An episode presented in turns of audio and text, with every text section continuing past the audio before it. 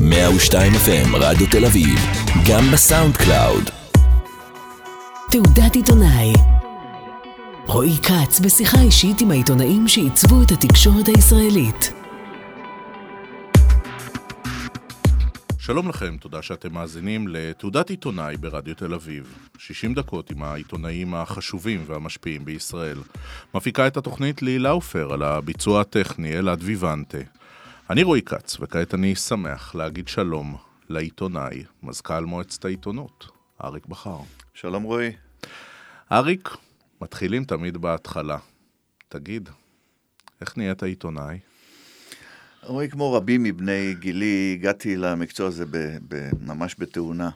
אני בגיל 15, אה, בזמן חופשת אה, בית הספר בקיץ, ראיתי איזו מודעה קטנה על סוכנות ידיעות בינלאומית בתל אביב שמחפשת נער שליח עם אופניים. אופניים היו לי. ניסיון בשליחויות עדיין לא. אבל בכל זאת נסעתי לשם, וכמו ישראלי טוב, כבר בגיל 15 אמרתי, הם רצו, ציינו במפורש שזה משרה קבועה, ואמרתי, יש לי עוד שלושה שבועות לחופש, אני אגיד להם זה קבוע, ואחרי שלושה שבועות אקח את הכסף ואברח. אבל אחרי שבוע שם החלטתי שאני רוצה להיות עיתונאי. ופשוט עזבתי את בית הספר, נשארתי שם, לא נשארתי שליח הרבה זמן. אה, די מהר הפכתי לאחראי על חדר הטלקס, מה שהיה בזמנים ש... שהטלקס היה אה, צינור העברת אינפורמציה העיקרי. אה, וכך זה נמשך, והצלחתי אפילו תוך כדי שירותי הצבאי לעבוד שם מדי פעם, וביום שהשתחררתי התחלתי לכתוב. והבית שגדלת בו היה בית עם מודעות תקשורתית, מודעות עיתונאית, קראו, ראו, למקצוע העיתונות אה, היה בו מקום נכבד? בהחלט כן. אבי, שיחיה, שבעוד שבועיים יחגוג 90, אה, עד היום, לדעתי הוא לא פספס מה שהוא הגיע לארץ בשנות 35 מהדורת, לא רק מהדורת חדשות, אלא מבזק חדשות. הוא פשוט כפייתי עד היום.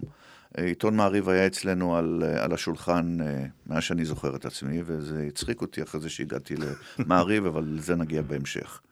עכשיו, איך הגיבו אה, ההורים שהילד אומר אה, שלום לבית ספר, ופתאום הוא מתחיל לעבוד? לא בדיוק, אתה יודע, מסוג הדברים שמדירים שינה מעיניים של הורים מודאגים.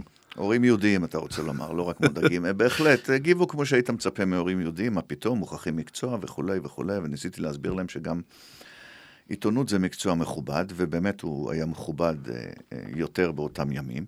לא אהבו את זה, אבל אני חושב אה, שבמבט לאחור אף אחד, אף אחד מהמשפחה לא מצטער על החבילה. ניסית כל המקצועות הכתבות הצבאית, או שאמרת, לא, רגע, אני אעשה צבא רגיל, ואחרי זה אני אחזור למקצוע? כי אתה יודע, עיתון במחנה, להבדיל דובר צה"ל, אבל כמובן גלי צה"ל, זה אולי בית הספר אה, הכי משמעותי לעיתונות, אולי לצערנו עדיין בישראל.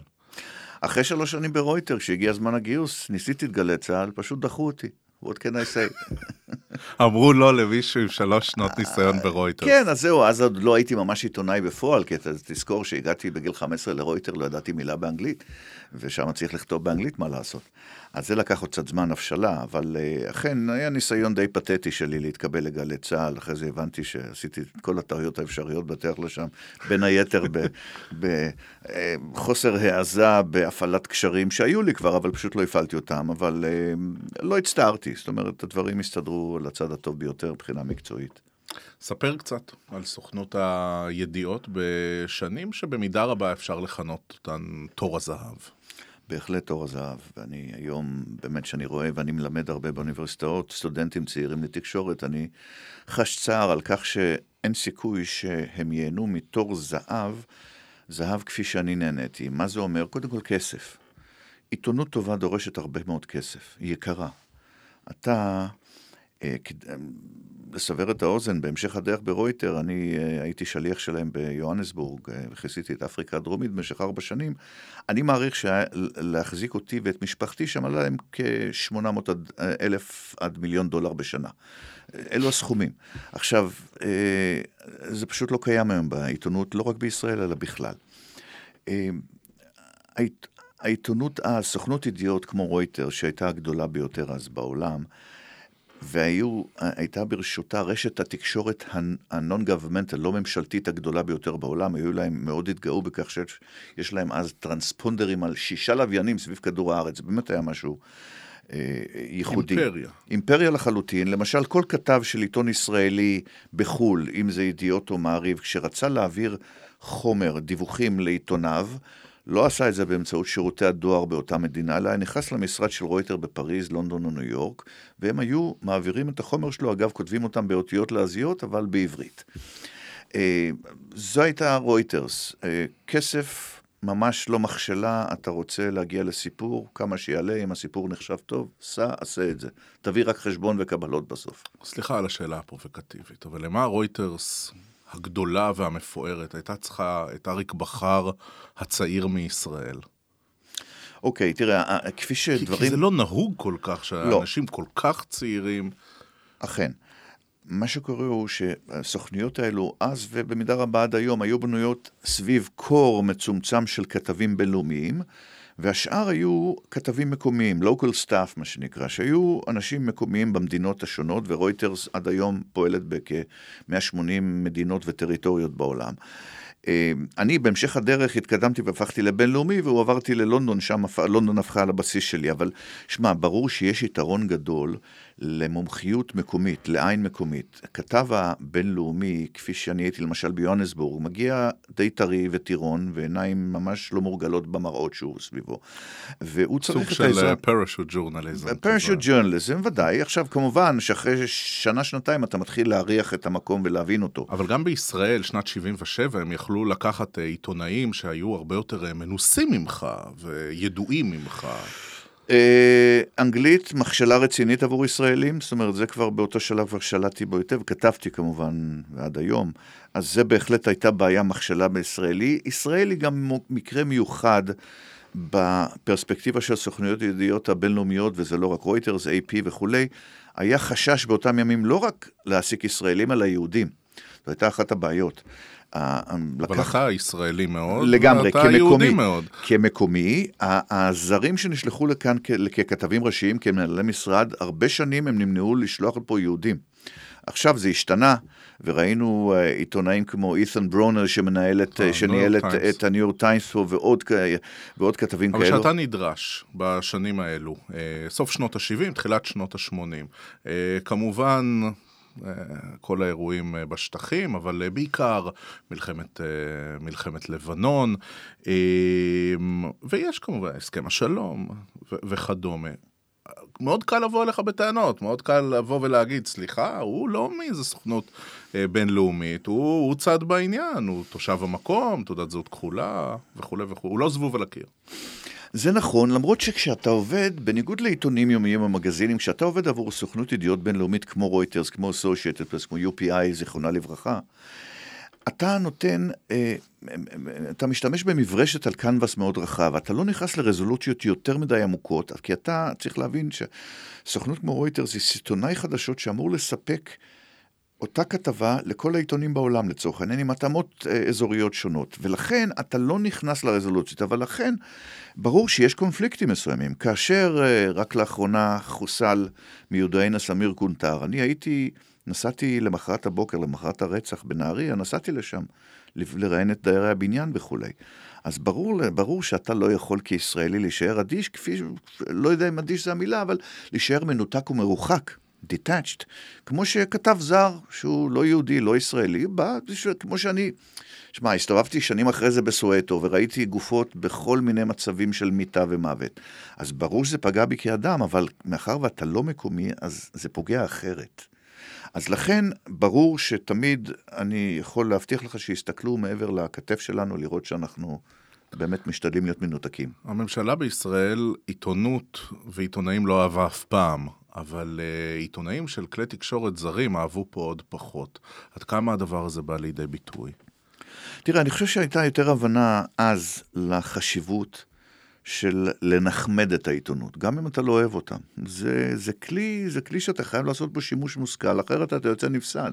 זה שתצעק על העיתונאי, אתה יודע, יצאו לי הרבה מקרים, בהרבה מקרים לדבר עם, עם אנשים מהרשויות שאחראיות להסברה, בעיקר דובר צה"ל. אתן לך דוגמה. דיברת על מלחמת לבנון הראשונה. אני חוזר, אה, הייתי לבד במכונית שלי בלי קצין הליווי שהשארתי אותו בדרך לביירות, ואז בסופו של יום אני חוזר על כביש החוף מביירות, ובאזור צידון אני רואה איזו חבורה של חיילים ואזרחים, וסקרן, נראה לי משהו, עצרתי, מסתבר שהקבוצה הזאת של חיילים עצרה את מי שהייתה אז... הנציגה הראשית של רשת ABC האמריקאית פה בישראל, הילרי בראון, שהייתה כתבת בעלת מוניטין בינלאומי.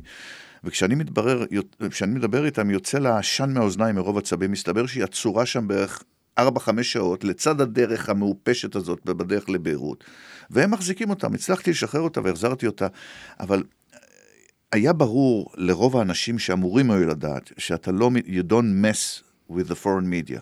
זאת אומרת, אתה, אתה יכול לכעוס עליהם, אתה יכול לצעוק, לדרוש להביא את הפרספקטיבה שלך, אתה לא עוצר בהם. השנים האלו, שבהם לא מעט אירועים אה, היסטוריים, אה, או אירועים בעלי חשיבות אה, אדירה, גם מלחמת לבנון, גם הפצצת הכור, בעיקר הסכם השלום עם מצרים. אתה עיתונאי צעיר מאוד ואתה מקבל ממש קו ראשון בת, בתיאטרון של ההיסטוריה. מרגישים את זה, או שרק בפרספקטיבה אתה אומר, וואו, איזה בר מזל שהייתי שם?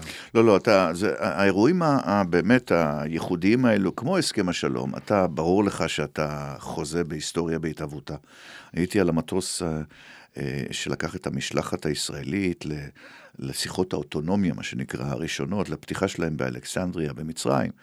שם, היה שם שליש מקבינט הישראלי, עזר ויצמן, אריאל שרון, משה דיין וכולי. בהחלט היה ברור שאנחנו חוזים, למרות שספציפית לגבי אוטונומיה, ברור לי שמנחם בגין לא נותן לזה ללכת לשום מקום.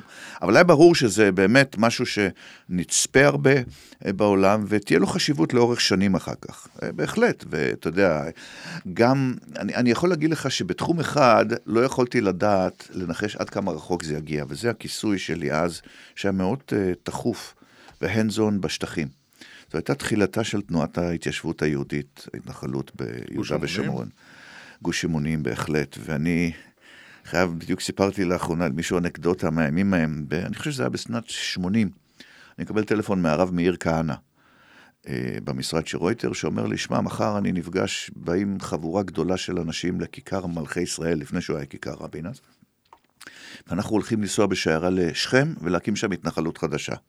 לקחתי ידיד שלי, כתב של רשת Visnews, BBC, מה שהיה אז, ונסענו לשם ואני לא רואה אף אחד, ובסוף אני רואה ליד הפסל המוזר שם בזה, אני רואה איזה שניים, שלושה אנשים, אני מתקרב, ואני רואה מאיר כהנא עם עוד איזה שני אנשים.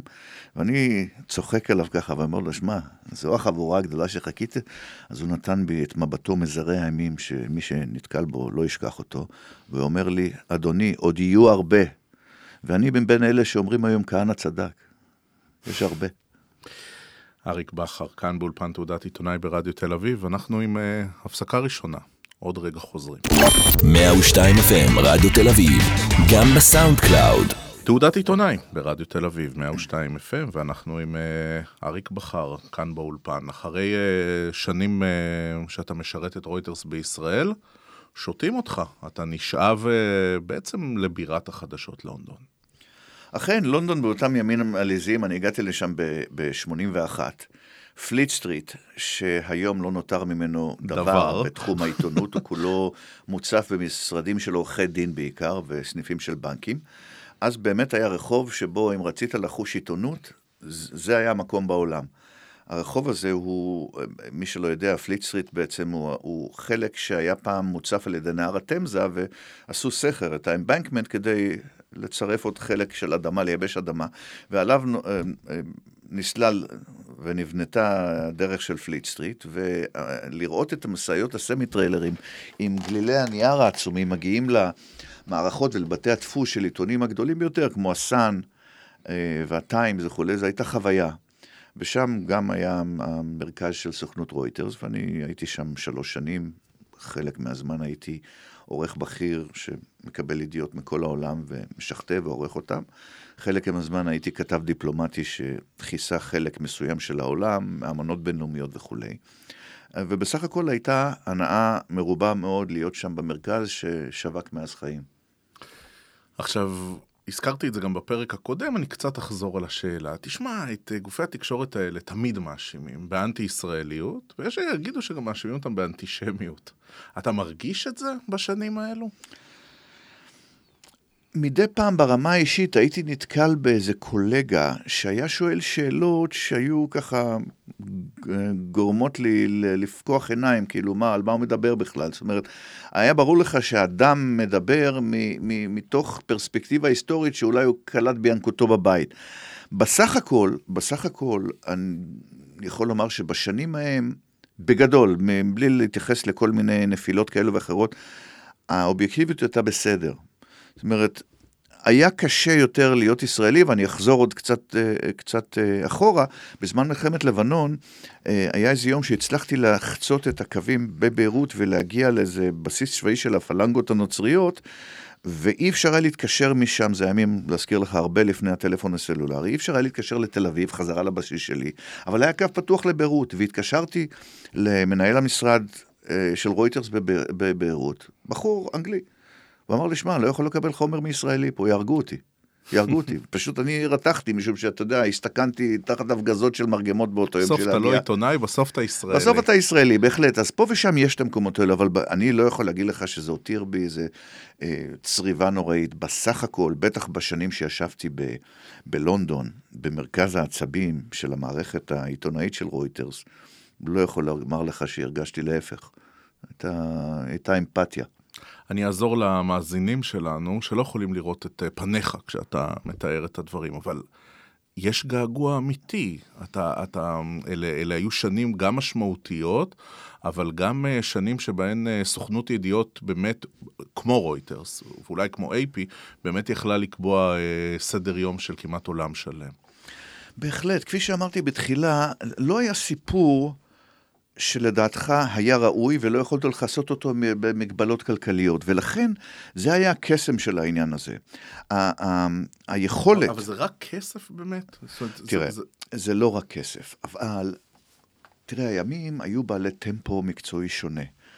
אתה יכולת להתרכז במה שאתה עושה, וזה בזמנים ההם, עבורי ועבור הקולגות שלי, פרינט ג'רנליזם. לא היה מצב שהתחיל להתהוות אי שם בשלהי שנות ה-80, שבו כדי לחסוך כסף אמרו לצלם, אוקיי, קח איתך, לעיתונאי, קח איתך גם מצלמה, תביא את זה צילום. כי תמיד, בזמנים הטובים, היה עיתונאי שנלווה אליו צלם אם היה צורך בצילום, משהו ויזואלי. ולאט לאט מאז הדברים הידרדרו, ולכן יכולת להקדיש המון זמן, יחסית להיום, כדי לצאת עם כתבה, אפילו אם רק 800 או 1,000 מילה, שיש בה הרבה עומק, הרבה פרספקטיבה, הרבה קונטקסט. שאתה יכול לתת לאנשים, וזה, אלו דברים שלא קיימים במידה רבה היום.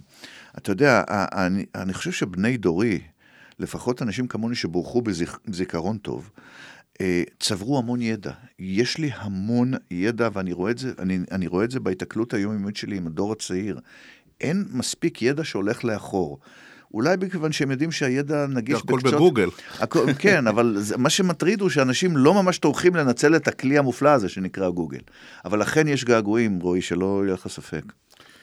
אז דיברנו קודם על uh, הכיסא שקיבלת uh, בשורה הראשונה באירועים היסטוריים, אבל uh, כיסא, שלא לומר uh, כורסה כזו, אתה מקבל כשאתה uh, נשלח לדרום אפריקה באמצע שנות ה-80. איך התגלגלת לשם? בשלוש שנים שהייתי בלונדון, כמובן שאתה יודע, ברויטרס, הבסיס, המרכז העולמי הוא לונדון, ושם אותם כתבים אלוהים שסיפרתי, זה קאדר של איזה 300 איש באותם ימים, מחכים לשליחות הבאה, כך זה עובד, זה כמו שירות חוץ במדינה מסוימת. אז אני ישבתי שם וכל הזמן חיכיתי, ואז עלה באיזשהו שלב רעיון לשלוח אותי ל... להיות הכתב של ה State Department בוושינגטון, ואמרתי להם, רבותיי, אני לא יצאתי מהמזרח התיכון והמלחמות שלו, רק כדי לשבת כל יום בתדרוכים של הבית, של ה State Department, של הרוב על המזרח התיכון. אתה מבין שאתה האיש כנראה היחיד שאמר לא למינוי בוושינגטון חד משמעי, חד משמעי, ולעולם לא הצטערתי והסתכלתי לאחור, משום שחצי שנה, אמרו לי, אוקיי, נחכה, וחצי שנה אחרי זה, אה, התפטר אחד מהאנשים של רויטרס ביוהנסבורג, ואמרו לי, סע, אמרתי, בשמחה, עולם שלישי מתאים לי לחלוטין. מה גם שלא הייתי באפריקה עד אז. Uh, הגעתי לשם, אז... ואפריק, ודרום אפריקה של אמצע שנות ה-80 זה מקום, איך נאמר בעדינות, מורכב ולא ידידותי, ואתה לוקח גם משפחה לשם. אכן כן, המשפחה הייתה קטנה והיא גדלה תוך כדי, uh, שתי בנותיי נולדו במהלך ארבע השנים שלנו שם. יצאתי רק בני הבכור ארז היה איתנו קטן כשהגענו לשם. על כל פנים, דרום אפריקה אז הייתה בשלהי עידן האפרטהייד. אבל היה שקט יחסית. והלבנים שהגיעו לשם, בטח הקולגות העיתונאיות שהיו שם לפניי, אמרו לי, שמע, אתה, כשאתה מסיים שם שליחות, אתה צריך להיות מאוד פרופישן, מאוד טוב בגולף ובטניס. זה המינימום. זאת אומרת, דע לך שאתה יוצא לאיזה משימה באמת שנהנים שם, יש לך את הבריכה שלך ואת הכל. ויצאתי שמח וטוב לב, הזהרתי את אשתי עליה שלום, אז שאני אעדר הרבה מהבית בשיעורים של גולף וטניס. ורצה הגורל, והגעתי לשם בראשון בספטמבר 84, ובשלישי בספטמבר, 48 שעות לאחר מכן, פרץ המרד השחור הגדול בעיירות. ונשלחתי למקומות לכסות מהומות בעיירות שלא ידעתי איך לאיית אותם פשוט. אה, זו הייתה תקופה מאוד מרתקת, כי מה שקרה הוא, אנחנו התרכזנו בדרום אפריקה קאדר של כ-120 עד 150 עיתונאים זרים להערכתי, שבמשך שלוש שנים רצופות לא נתן לסיפור של האפרטהייד והמרד השחור שפרץ כנגדו לרדת מהכותרות. זה היה מדהים, משום שאני לא זוכר הרבה תקופות שבהן מדינה אחת הפכה לכל כך דומיננטית. אתה יודע, סוכנויות ידיעות כמו רויטרס, מספר פעמים במהלך 24 שעות, מעבירות לכל אלפי, עשרות אלפי הלקוחות שלהם בעיתונים, תחנות רדיו וכולי, מה שנקרא שדיול. זה מין מניו שאומר להם, רבותיי, המצב החדשות בעולם, לפי שאנחנו רואים אותו, הוא כזה, נאמבר 1 הוא כך ונאמבר 2 הוא כך. ודרום אפריקה באותם שנים, באותם שלוש שנים, הייתה רוב הזמן בנאמבר 1. היו מקרים, אני זוכר, שרצחו את אינדירה גנדי, שהתנגשו בחייה, mm-hmm. אז ליום או יומיים היא מפילה את דרום אפריקה, אבל מיד דרום אפריקה בעיקשות מטפסת אחרי יומיים לראש אותה סולם, אותו סולם של חדשות. אתה אומר, הדבר הזה בעצם נגרם על ידי הכוח העיתונאי. חד משמעי. מה שקרה, אני באמת ישבתי שם והסתכלתי בהשתאות למה לקח לדרום אפריקאים יותר מדי זמן, לשיטתם, להתחיל לזרוק את העיתונאים החוצה. וכשהם התחילו לעשות את זה, זה היה מעט מדי, מאוחר מדי וטיפין טיפין. זאת אומרת, אני כל הזמן אמרתי לקולגות, לא אופתע אם בבוקר נקבל כולנו הודעה, מחכה לכם ג'מבו בשדה התעופה ינסמץ, נא לכולם לבוא לשם, ואנחנו נוסעים מפה. וזה לא קרה.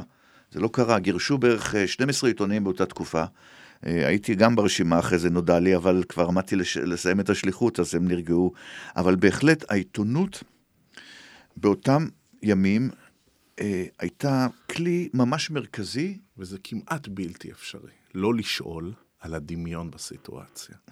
של uh, הכתבים הזרים שפועלים בישראל, בדמיון של ההתנגדות הפלסטינית לשהות הישראלית ביהודה ושומרון, או פעם עזה, לבין מה שהתרחש בשנות ה-80 וגם לפני כן, בדרום אפריקה. בהחלט. תראה, האפרטהייד באותה תקופה, כשאני הגעתי, היה בתהליך די מתקו... אה, מתקדם של uh, התפרקות.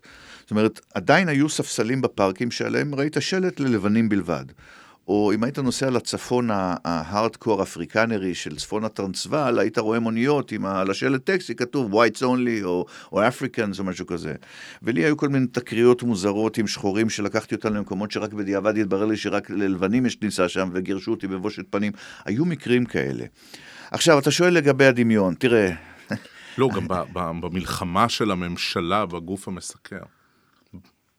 ללא ספק. רק, רק עכשיו, בשעות האחרונות, אנחנו חוזים בהתלהמות השבועית אה, בין אה, ישראל לשוודיה. הבט, אה, אין ספק שאנחנו כעיתונאים, אני, תראה, ברויטרס אתה ממעט, או בכלל נמנע מהבעת דעות. אתה פשוט מצלם במו עיניך מצב, שאתה רואה אותו, אתה מעביר אותו אל הכתב, אתה מפיץ אותו בעולם. גם אתה מכיר את העניין הזה. מספיקה הטרמינולוגיה שאתה משתמש בה כדי כן. לקבוע נרטיב. אכן כן. אין לי ספק שאם אני אלך ואני אחפור בתוך uh, מיליוני המילים שכתבתי אז, אז אתה תמצא איפה הסימפטיות שלי היו באותו זמן. ללא ספק. וכמובן הייתי... הבחירה מה לסקר ומה לא לסקר. כן, תראה, מבחינת מה לסקר... יכולת לשחק גולף יותר. Uh, לא, אבל זהו שלא. באותם ימים, אותם הבטחות שהבטיחו לי בלונדון לפני היציאה כבר לא היו ברות מימוש. אבל, אבל בפ... תראה, הייתי בקשר עם אנשים כמו דזמונד טוטו, עם וויני מנדלה באותה עת.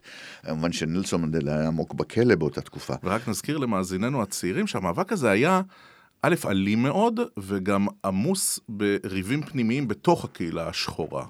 או, חד משמעית. הוא, הוא היה לי מאוד, למרות שאם אתה תבדוק את הרקורד של ה-ANC, ארגון המחתרת, שנאמר הוא המקבילה לאש"ף ולפת"ח בישראל, אז הם באמת השתדלו לא להרוג. זאת אומרת, הם, הם לא עשו זוועות, אתה יודע, רק לאחרונה נכנסתי לארכיון וראיתי, המתקפה הגרועה ביותר של ה-ANC הייתה בפרטוריה בקיץ 83, כאשר הם תקפו, הטמינו מכונית תופת במטה, מפקדת חיל האוויר בפרטוריה, ונהרגו שם 17 איש, מרביתם אנשי חיל האוויר. זאת אומרת, מעבר לכך הם השתדלו במכוון לא לפגוע באזרחים. לא מעט צעירים שחורים מצאו את עצמם איזשהו צמיג בוער על אה, הצוואר, בסכסוכים פנימיים. הסכסוכים הפנימיים היו נוראים, בעיקר בין שבטי הזולו והקוזה.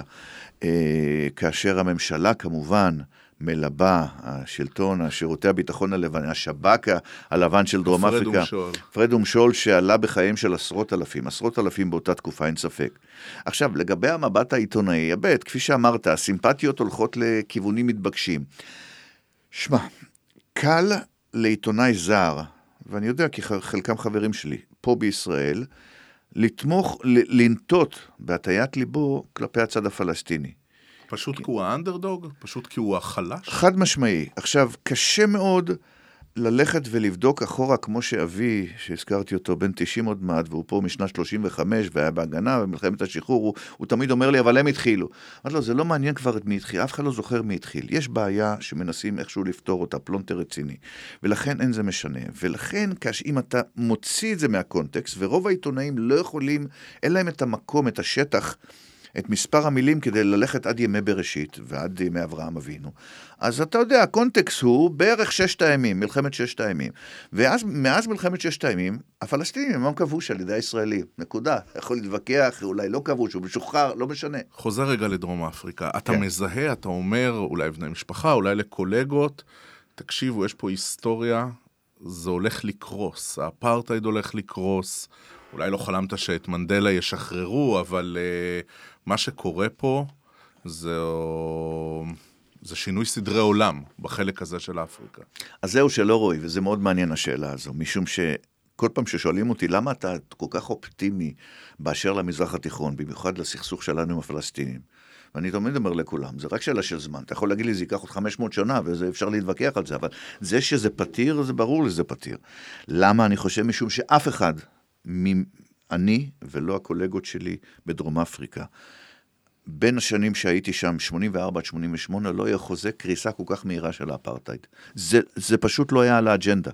ואני אומר לך שראיינתי שם אין סוף, אין ספור מומחים. הכי, אף אחד לא חזה את המהירות שבה זה יקרה. מה קרה? נוצר איזה Game Changer, קראו לו דה קלרק באותם ימים. זה ה-Game Changer של, של אפריקה הדרומית. שהאיש הבין, ו- ו- וראיתי אותו מתראיין באחרונה, והוא אומר, הבנתי, הקומוניזם קורה, זה שעת כושר לעשות, לעשות מעשה. וכך זה קרה, זה, זה היה לגמרי לא צפוי, גם ה-CIA לא צפה את זה. ולקומוניזם הקורס, ועוד כמה אירועים חדשותיים גדולים, אנחנו כמובן נעסוק בחלק הבא. אריק בכר, כאן באולפן תעודת עיתונאי, עוד רגע חוזר. 102 FM, רדיו תל אביב, גם ב SoundCloud. חזרנו, תעודת עיתונאי ברדיו תל אביב, עם אריק בכר כאן באולפן, אנחנו בחלק האחרון של התוכנית. אריק, אחרי החזרה מדרום אפריקה בסוף שנות ה-80, אתה אה, מוצא את עצמך קרוב מאוד לאירועים בקריסת הגוש הקומוניסטי. שוב, ההיסטוריה דופקת לך על הדלת. אכן כן, היא רדפה, וזה היה מאוד מעניין. אני חזרתי מיונסבורג ללונדון, ואז כשהתברר שהדרכון הישראלי בלבד שלי אה, יקשה על מציאת שליחות נוס... חדשה, אה, במהירות כפי שרציתי, כי חזרתי כבר במטופל בשלושה ילדים ש, ש, שיחיו, אז החלטתי לעזוב ו, וחזרתי לישראל. אה, ושנה לאחר מכן הצטרפתי למעריב, די מהר הפכתי לעורך חדשות החוץ של העיתון. ואכן, לא הייתה תקופה טובה יותר מזה, מזו, להתמנות לעורך חדשות חוץ של עיתון כלשהו, משום שהתחילו תהליכים שבעיניי הם בין המשמעותיים, בין החמש המשמעותיים ביותר של המאה ה-20, ובעיקר קריסת הקומוניזם. אה, שלי יצא... ואתה ממש במוסקבה שזה קורה. אני במוסקבה, זה באמת, ששואלים אותי מה הסיפור הדרמטי והחשוב ביותר שכיסית, והיו המון כאלו, באמת הרבה. אז אותו רגע שבו, אני זוכר, אלכס פישמן, ידידי אז מעיתון חדשות, היום מידיעות אחרונות, ואני הצלחנו עם תעודות העיתונאי הישראליות שלנו, להיכנס ליציע העיתונות של הבית הלבן, הפרלמנט של רוסיה, באותו יום, בשעה שבערך אלפיים עיתונאים רוסים לא מצליחים להיכנס פנימה, וישבנו שם. וכפי שכתבתי למחרת במעריב, אני לא מבין מילה ברוסית, אבל זו הייתה השיחה הכי מרתקת שהקשבתי לה אי פעם. זה הייתה אותו מעמד שבו אה, אה, לאחר ניסיון הפיכה כושל ולאחר שהוא הוחזק כבן ערובה במשך שלושה ימים, אה, מיכאל גורבצ'וב חזר, הוא חשב כגיבור למוסקבה, וכשהוא נכנס אה, לפרלמנט, אז כולם צעקו לו בוז, ובוריס ילצין הגיש לו מכתב, ואומר לו, תווריש, זה צו שאוסר את הפעילות של המפלגה הקומוניסטית ברחבי הפדרציה הרוסית, והנה אני מוסר לך אותו. ככה הוא אמר לו באלה המילים. וזה היה הרגע שלמעשה הקומוניזם קרס. וגלי ההדף והמשנה שלהם אחרי זה סיפקו לי עבודה כעורך החוץ של מעריב במשך שנים לאחר מכן. זה היה פשוט מרתק, אני כתבתי באחד המאמרים שלי, שאנשים לא מבינים שאנחנו עושים פחות מילואים פה בישראל בגלל אותו מעמד של גורבצ'וב. וזה השפיע בכל יבשות העולם בצורה מרתקת, שלי סיפקה המון עבודה. כמה מורכבת הייתה חזרה לביצה הישראלית, חזרה למעריב? אה, שוב, מכיוון שהצלחתי להתברג מיד לתחום של חדשות החוץ, אז הקנבס עדיין נותר קנבס די רחב. אבל הכיס, אפילו אז, בתחילת שנות התשעים, נכון. שום למ... דבר שמזכיר את לא. היום הזה שאתה מקפיץ מסוק נכון. בדרום אפריקה, נכון. רק כי אתה רוצה. נכון, בדיוק, זה נכון, אבל עדיין, עדיין באותם ימים, זה עדיין ימים של טרום אה, נמרודי, אבל גם בתחילת דרכו של עופר נמרודי, בה, הייתה היענות אה, ויכולת להוציא כספים. וסתם לסבר לך את האוזן, אני, הסיפור האחרון שהצלחתי ממש ברגע האחרון להוציא סכום שנחשב אז הרבה כסף, משהו כמו 2,500 דולר, ועופר נמרודי כמעט טרפד לי את זה ברגע האחרון, אחרי שארגנתי סיור מופלא בן שבוע לרואנדה כדי לעשות כתבה גדולה, מגזינית, על עשור לג'נוסייד שם. זו כתבה שלמיטב ידיעתי עדיין נלמדת בקורס ג'נוסייד באוניברסיטת תל אביב. ו-2,500 דולר, בעיניי זה נשמע כמו צ'יינג', אתה יודע, small change, אבל עופר אמר לי, שמע, אין כסף, וזה כבר היה 94. 2004, סליחה, אה, ימים שבהם העיתונות הייתה בדעיכה די מהירה. אז אכן, זה היה קשה, אבל הצלחנו, הצלחנו עדיין לתת כיסוי לא רע של חדשות החוץ במעריב. חבל לך על העיתון? יש סיבה לגעגוע, או שזו דרכו של עולם שעיתונים קמים ועיתונים נופלים, ופה זה גם היה על רקע עסקי, וזה לא עיתונות מפלגתית לדוגמה ש... שקרסה? תראה, זו דרכו של עולם לא בהכרח חייבת לשמח אותנו. זאת אומרת, אנחנו כולנו יוצאים מופסדים ממה שקורה בעיתונות. בכל העולם, עכשיו שלא תחשוב, בכל העולם אותם, יש אותם תהליכים. יש מספר מדינות כמו גרמניה שבהם יש קצת יוצאים מהכלל, כי העיתונות עדיין משגשגת. ברזיל אני מבין שהיא כך. אבל יגיד איזה חוקר, טוב, הלך מעריב, הגיע ישראל היום, אה, אתה יודע, החלפנו נגיד אחד באחד.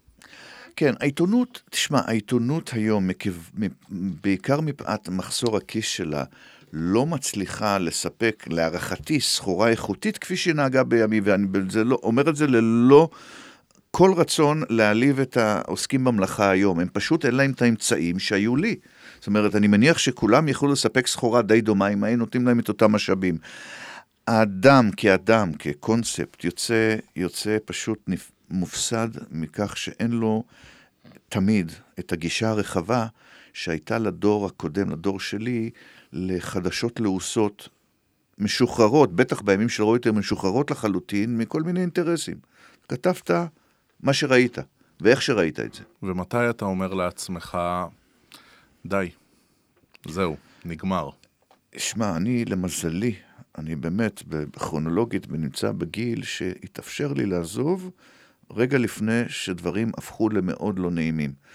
אתמול בדיוק דיברתי עם קולגה, פגשתי את ציפה קמפינסקי, ידידתי שכבר הימים ממעריב. אמרתי לה, אחד הדברים שאני מאוד שמח בכל הקריירה שלי זה שלא הייתי צריך לעמוד עם פלקט בהפגנה מול בית מעריב, כפי שעשו חבריי אה, לפני מספר שנים רק. אה, היה ברור לי לאן זה הולך. אני, אני עזבתי את מעריב כאשר נאמר לי במפורש שהעיתונות בישראל לא יכולה להרשות לעצמה יותר אנשים כמוני. אומרת, אנשים שבאו עם מטען גדול, וברור, דרשו אה, תגמול בהתאם, לא יכלו. אני, אני מניח שכשאני עזבתי, יכלו לזכור בכסף שאני עליתי להם חמישה עיתונאים. עכשיו, זה לא טוב, יכול להיות שזה נשמע טוב לרואי החשבון של עיתונים, אבל זה לא טוב מבחינה מערכתית שאתה מעסיק עיתונאי בשכר שמותיר אותו ממורמר ומחפש לנצח מקורות נוספים לפרנס את משפחתו הצעירה. זה לא טוב, זה לא יכול לעבוד טוב. למרות שמבחינת uh, גיל וניסיון, במידה רבה עזבת בפריים. עזבת בשנים שאתה מביא איתך הכי הרבה לשולחן והכי הרבה ניסיון, ולא נדרשת להרים אה, שקי חול בנמל. אז כן, התירוץ שלי הוא להחזיר אותך להתחלה, התחלתי מוקדם, בגיל 15, אז יש לי זכות לצאת מוקדם, אבל, אבל, אבל הגעתי גם לתחום, וזה אה, אולי לסיום, תחום שאני מאוד אוהב אותו, ואני תמיד אומר לאנשים, אני כבר שבע שנים מזכ"ל מועצת העיתונות. אז קודם כל זו זכות גדולה לעבוד, ו- ותענוג גדול לעבוד לצד אישיות כמו השופטת דליה דורנר, שממנה אני לומד הרבה. והיא נשיאת המועצה. היא נשיאת מועצת העיתונות בהחלט. אבל אז יגידו לך, בואנה אריק, הפכת עסקן. חד משמעי, והם יהיו צודקים, כל אלו שיגידו את זה. אבל אני אומר שוב, אני, אנש, אני פוגש קולגות, וסיפרתי לך לפני השידור שאני ועוד חודשיים אהיה במפגש שנתי של ותיקי רויטרס בלונדון, שאנחנו אחת לשנה נפגשים. אני אומר לאנשים שאומרים לי שהם נורא מתגעגעים, אני אומר להם שהם מתגעגעים לעולם שלא קיים כבר. זה פשוט אה, כמו להתגעגע לכדור הארץ לאחר שואה גרעינית, להבדיל. מה שאנחנו הכרנו לא קיים, ולדעתי גם לא יחזור בצורה שבה הוא היה קיים. אה, אז לכן אין בי, אין בי געגוע אה, במיוחד. אני הוצאתי את זה במידה רבה מהסיסטם, וכתבתי כמעט על כל נושא שאני יכול להעלות על הדעת. ואמרתי את הכל, ובאמת הפתיעו אותי השנים האחרונות עד כמה אני לא מתגעגע לזה. למה צריך את מועצת העיתונות? שהרי אתה מכיר את כל הטיעונים נגד. גוף חסר שיניים, בעיות תקציביות תמידיות. גופי התקשורת והעיתונות, חלקם חברים, חלקם משלמים, חלקם לא חברים ולא משלמים כמובן, ובמידה רבה, אתם יודעים, אפשר לחגוג 50 ופלוס שנים, אבל אתם לא פקטור אמיתי בעיתונות הישראלית. אוקיי, okay, יש לך כמה תשובות, אבל אני אתחיל אולי מהתשובה שבעיניי הכי חשובה. חשוב שהמועצה תהיה שם במקום כל הדברים האפשריים שיכולים לבוא במקומה, אם היא תחדל להיות שם. הבט, אה, אני מכיר רק את ארצות הברית כמדינה שבה אין מנגנון פיקוח אמיתי כלשהו על העיתונות. הם טוענים שיש להם את התיקון הראשון לחוקה שמבטיח את חופש העיתונות וחופש הביטוי, ולכן הם לא צריכים. אני באמת לא מכיר אף מדינה שבה אין מנגנון כזה או אחר של פיקוח על תקשורת. זה או וולונטרי, כמו במקרה של ישראל ועוד כ-50-60 דמוקרטיות, או סטטוטורי, שבאמצעות חקיקה, כמו בהודו, פקיסטן ועוד מדינות שאני פגשתי אותן, או דיקטטורי, כמו בצפון קוריאה או באיראן או במקומות מהסוג הזה. אנחנו לא רוצים להיות שם. ולכן, ועכשיו, אין לי ספק בכלל שישראל לא תהיה המדינה השנייה בעולם, אחר ארה"ב, שהיא תישאר, ויגידו חברי הכנסת, אוקיי, נסתדר בלי פיקוח. לא יקרה. אבל נגיד שיש פה הרי פיקוח, כי יש פה uh, צנזורה ביטחונית, אגרסיבית מאוד, כזו שבהחלט יודעת גם לפקח וגם להעניש, ויש פה שלל צווי איסור פרסום על ימין ועל שמאל, בעיקר בפרשות שנוגעות יותר למשטרה, וחוקי לשון הרע וכולי וכולי. זאת אומרת, יש פה דברים שהם, uh, המדינה בעצם אוכפת אותם. כן, אבל אנחנו, בסדר, זה המדינה, זה הצד של הרשויות. מועצת העיתונות, למרות שהיא וולונטרית, היא, היא הכי קרובה לרגולטור של התקשורת. למרות שהכל וולונטרי. רק שהיא לא מקובלת על, הר... על היא התקשורת. היא לא מקובלת על הרבה, היא לא מקובלת על הרבה, לא נכון, יש חלק גדול מהתקשורת, המיינסטרים נמצאת שם. כל קבוצת ידיעות אחרונות אומרת, אנחנו לא מכירים במועצה. לא, זה לא נכון. הם לא רוצים להיות חברים מסיבות שלהם, הם מכבדים לחלוטין את מנגנון בתי הדין לאתיקה שלנו. הם מגיעים בכל פעם כשהם מוזמנים לדיון, כשיש תלונה נגדם, הם מגיבים. ולרוב הם מפרסמים. יש לי כרגע מקרה ongoing מול אחד מהמקומים, יש ידיעות שמסיבות לא ברורות לי, יש איזה... יש בעיה בפרסום החלטה של בית הדין, אבל בסך הכל הם עושים את זה.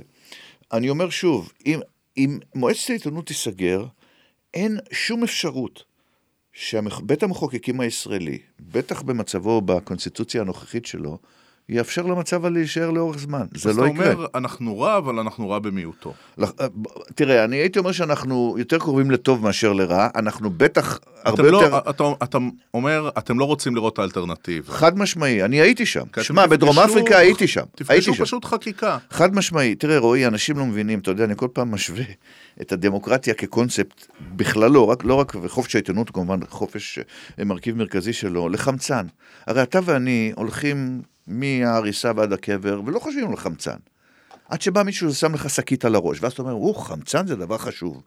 אותו דבר עם דמוקרטיה וחופש עיתונות. אתה, אני גרתי בשנים הקשות של דרום אפריקה במקום, אני, אתה יודע, הייתי בחדר המערכת של העיתון רן דיילי מייל, שהוא היה, בוא נאמר, הארץ, אם אתה רוצה, של דרום אפריקה, ביום שהוא נסגר.